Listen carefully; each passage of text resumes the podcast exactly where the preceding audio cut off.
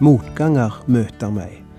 Aldri du støter meg bort fra din hellige, mektige favn. Mennesker glemmer meg.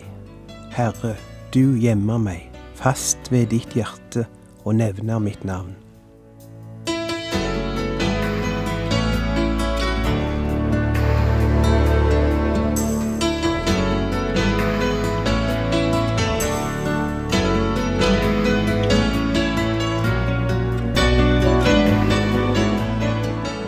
Hjertelig velkommen til et nytt program i serien Vindu mot livet. Vindu mot livet er basert på programserien Insight for Living ved Chuck Svindal. Programmet er produsert av Kristen Riksradio og blir ledet av Ola Bjoland.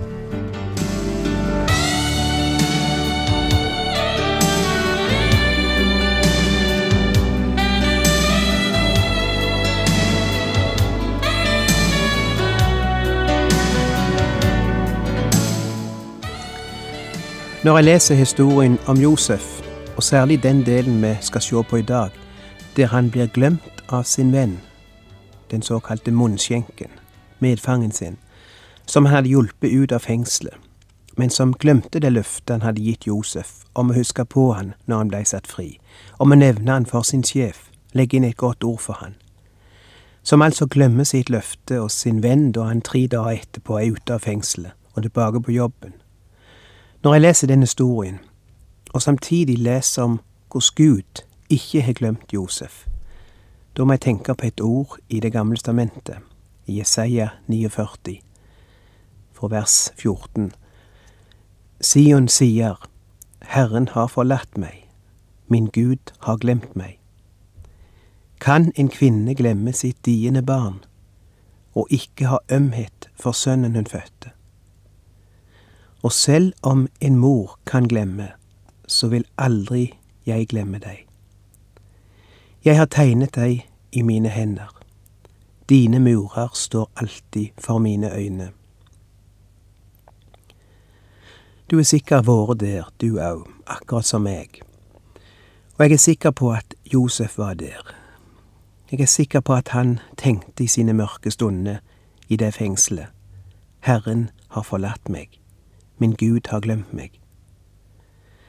I to år satt han glemt i fengselet. Et fengsel som han var kasta i uten grunn. Han hadde ikke gjort noe galt. Men falske rykter var sett ut om han, og folk trodde ryktene, og han ble kasta i fengsel. Men han satte seg ikke ned og stura. Han oppmuntra de andre fangene, og en av de, han som hadde vært munnskjenk for sjølveste farao, hjalp han med å tye hans draum slik at han tre dager etterpå slapp ut av fengselet og ble gjeninnsatt i jobben sin. Og da tenkte Josef, her er min livs sjanse til å komme ut av fengselet. Munnskjenken er jo en av faraos sine mest betrodde menn. Kan han legge inn et godt ord for meg, så kan jeg kanskje komme meg ut av dette hullet og få oppreisning igjen. Og han sier til munnskjenken, som danser rundt av glede over beskjeden han nettopp har fått om at han skal bli løslatt om tre dager. Og Josef sier til han, husk på meg når du kommer ut. Legg inn et godt ord for meg hos kongen. Og han tenker, endelig skal Gud sørge for oppreisning. Her har du din sjanse, Gud, til å hjelpe meg. Dette kan ikke være noe annet enn Guds plan. Det er jo så innlysende. Men det var ikke Guds plan. Munnskjenken glemte sin venn.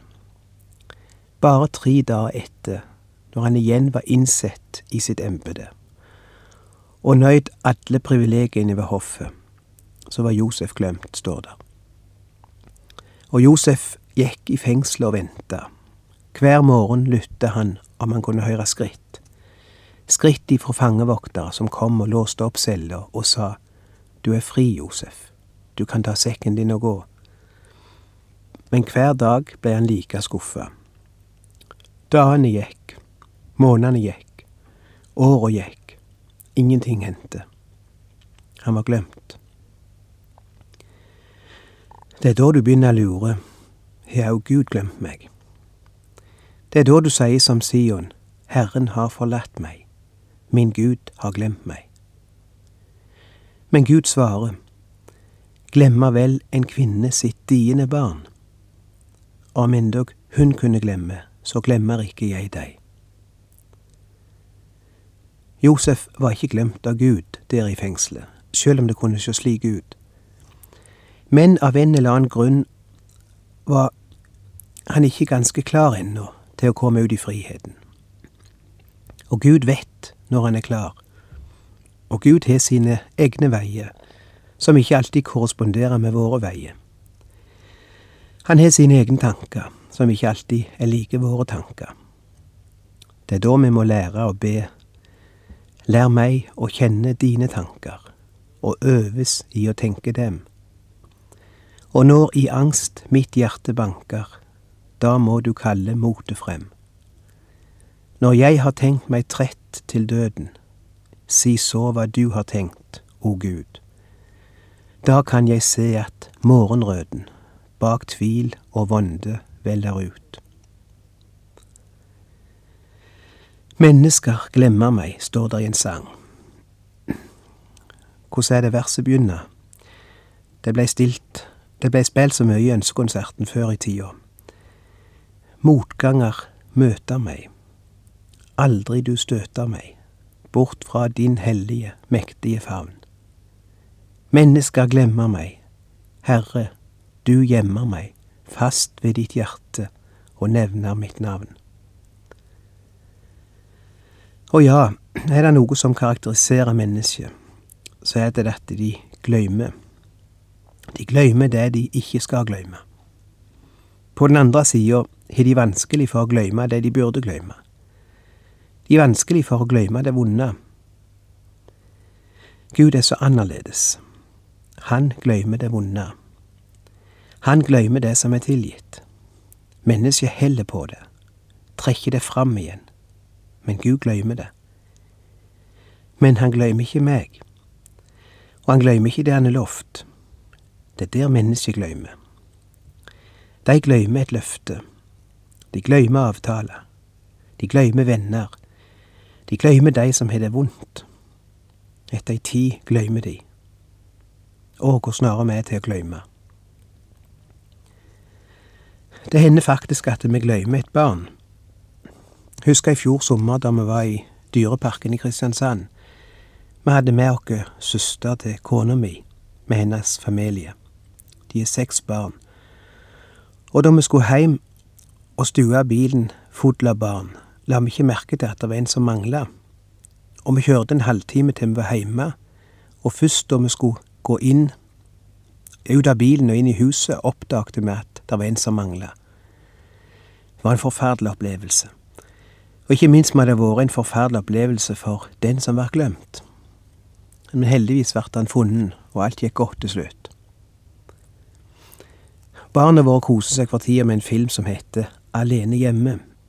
De tok den opp på video da vi bodde i Amerika. Det er om et barn som ble glemt igjen hjemme da foreldrene reiste på ferie. Og de oppdaga det ikke før de var kommet til utlandet. Det er en morsom film full av dramatikk, og jeg tror de har sett den 20 ganger snart.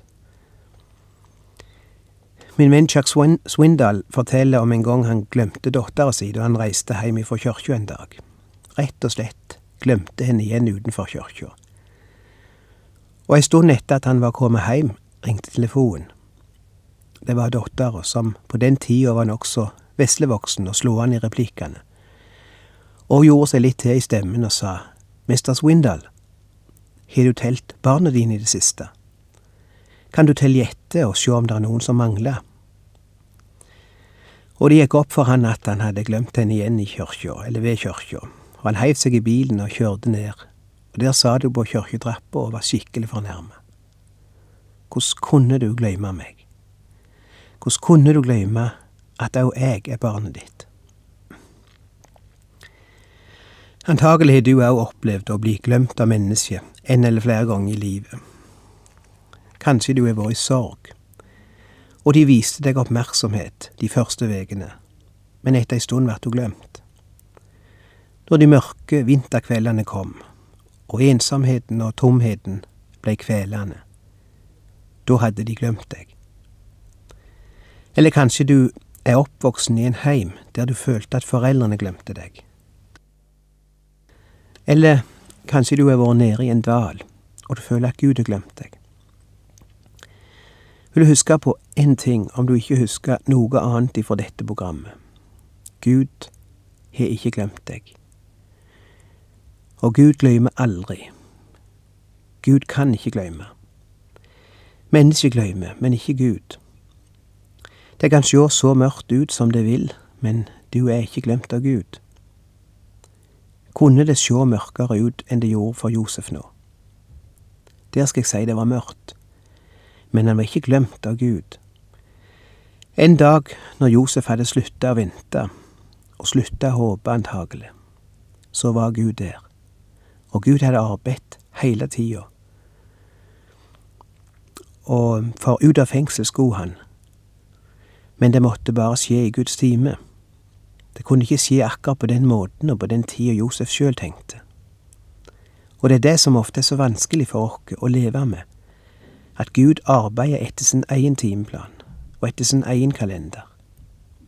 Det gjorde han òg når det gjaldt Josef. La oss lese historien slik som den står, den taler for seg. Første Mosebok 41 vers 1 og vi skal lese det meste av det avsnittet fram til vers 45. To år senere hendte det at farao hadde en drøm. Det er altså gått to år nå. To år i fengselet uten at noe hendte.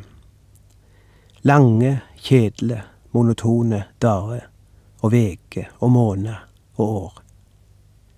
Slik er det når en venter på noe, når en venter på Gud. Det skjer ingenting, tilsynelatende.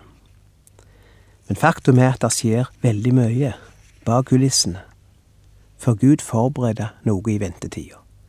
Men vi ser det ikke. Derfor er ventetida så vanskelig. La oss lese videre om denne drømmen som, eh, som farao hadde. Han syntes han sto nede ved Nilen. Da steg det opp fra elven sju kuer fine å se til og godt i hold, og de ga seg til å beite i elvegresset. Etter dem kom det opp av elven sju andre kuer, som var stygge å se til, og i dårlig hold. De ble stående ved siden av de andre kuene på elvebredden, og de stygge, magre kuene åt opp de sju fine og fete. Der våknet farao. Men så sovnet han igjen og drømte på ny. Nå så han sju tykke og gode aks som vokste opp på ett og samme strå. Etter dem skjøt det opp sju andre aks som var tynne og svidd av østavind. De tynne aksene slukte de tykke, fulle aksene. Da våknet farao og skjønte at det var en drøm. Men om morgenen hadde han slik uro i seg. Han sendte bud etter alle spåmenn og vismenn i Egypt. Og farao fortalte dem drømmene sine. Men det var ingen som kunne tyde dem for ham. Det var meget intelligente og utdanna folk, disse vismenn og spåmenn som det er snakk om her. De var astrologer med lang utdannelse. Men de kunne ikke drømme de kunne ikke tyde drømmene hans denne gangen. Og jeg er imponert over deres ærlighet. De prøver seg ikke med juks. De finner ikke på noe for ikke å skuffe sjefen sin. De er ærlige nok til å innrømme her kommer vi til kort, vi klarer ikke å tyde drømmene dine denne gangen. Men så er det en som plutselig får vond samvittighet, som plutselig blir minnet om noe han hadde lovt for to år siden. Plutselig kjem han på sin venn i fengselet, som hadde tyet hans drøm, og som han hadde lovt å nevne for farao, men som han hadde heilt glemt. Nå kjem han på det. Da tok faraos munnskjenk til orde og sa, Jeg må minne om mine synder i dag.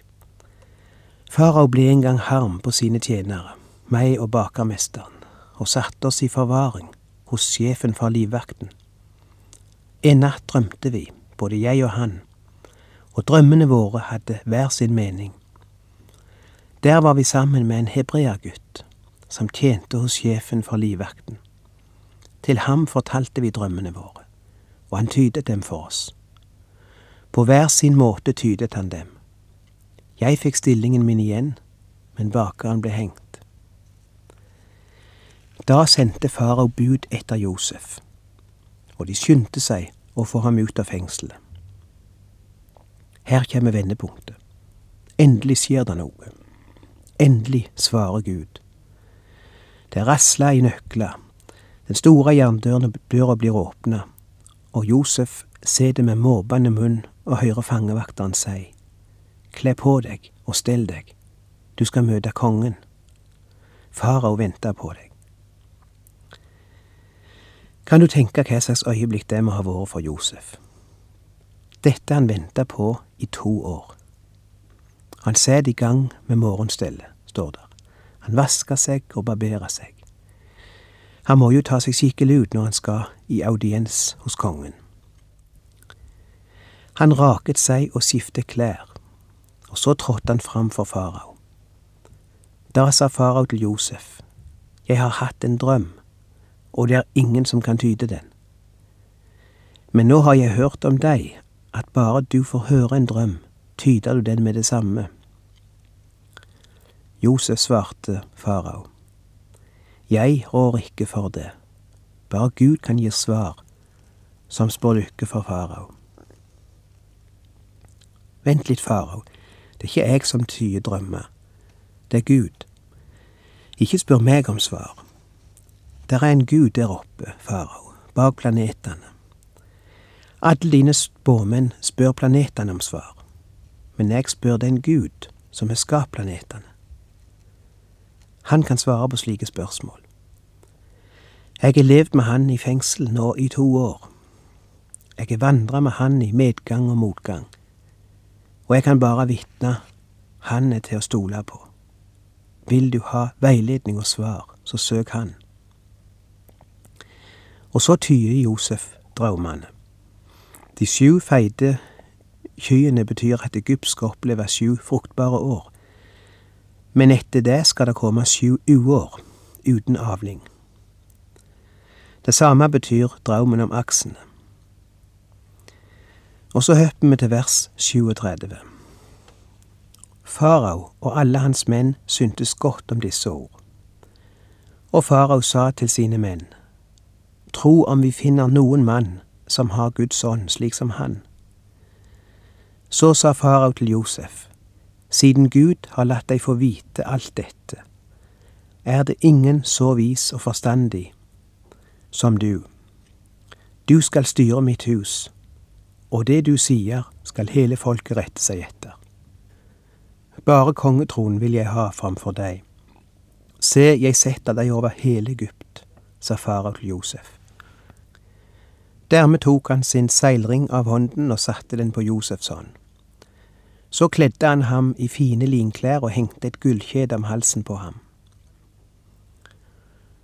Um, han lot Josef kjøre i sin, hest, i sin nest beste vogn, og de ropte Abrek for ham.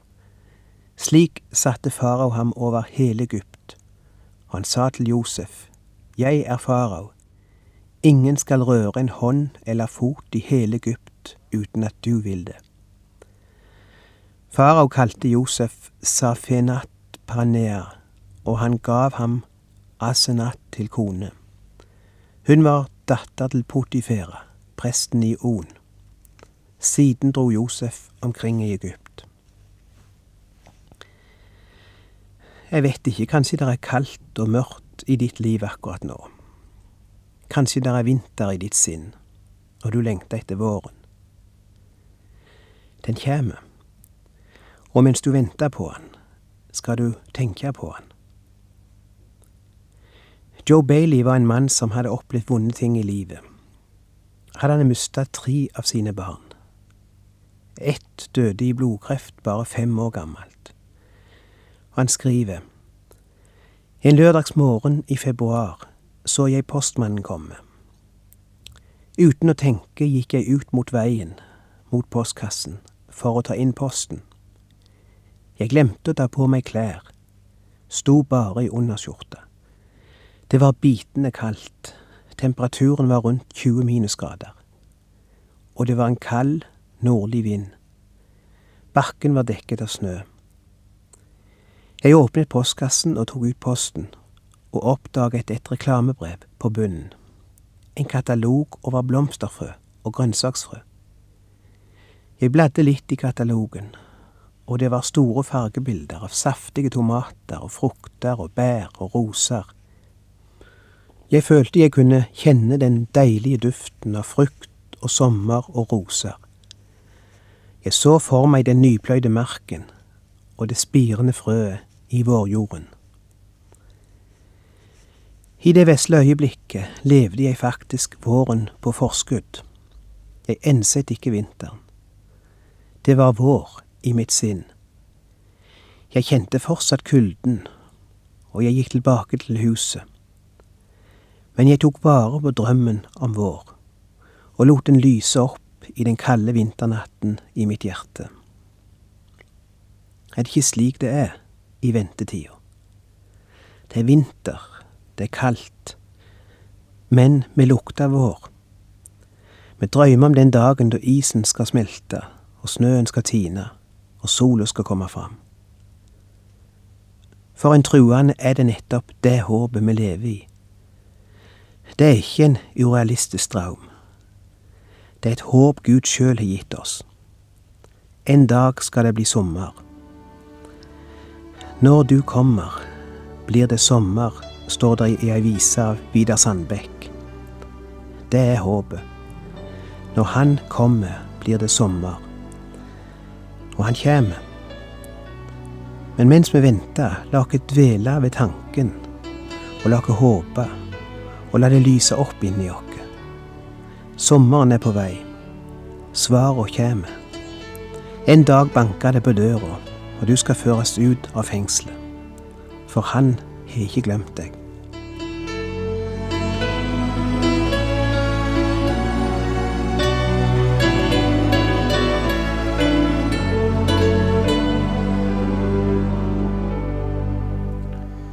Du har lytta til Ola Bjoland i serien 'Vindu mot livet' fra Kristen Riksradios arkiv. Ola Bjoland var ansatt i Kristen Riksradio til han døde i 2002.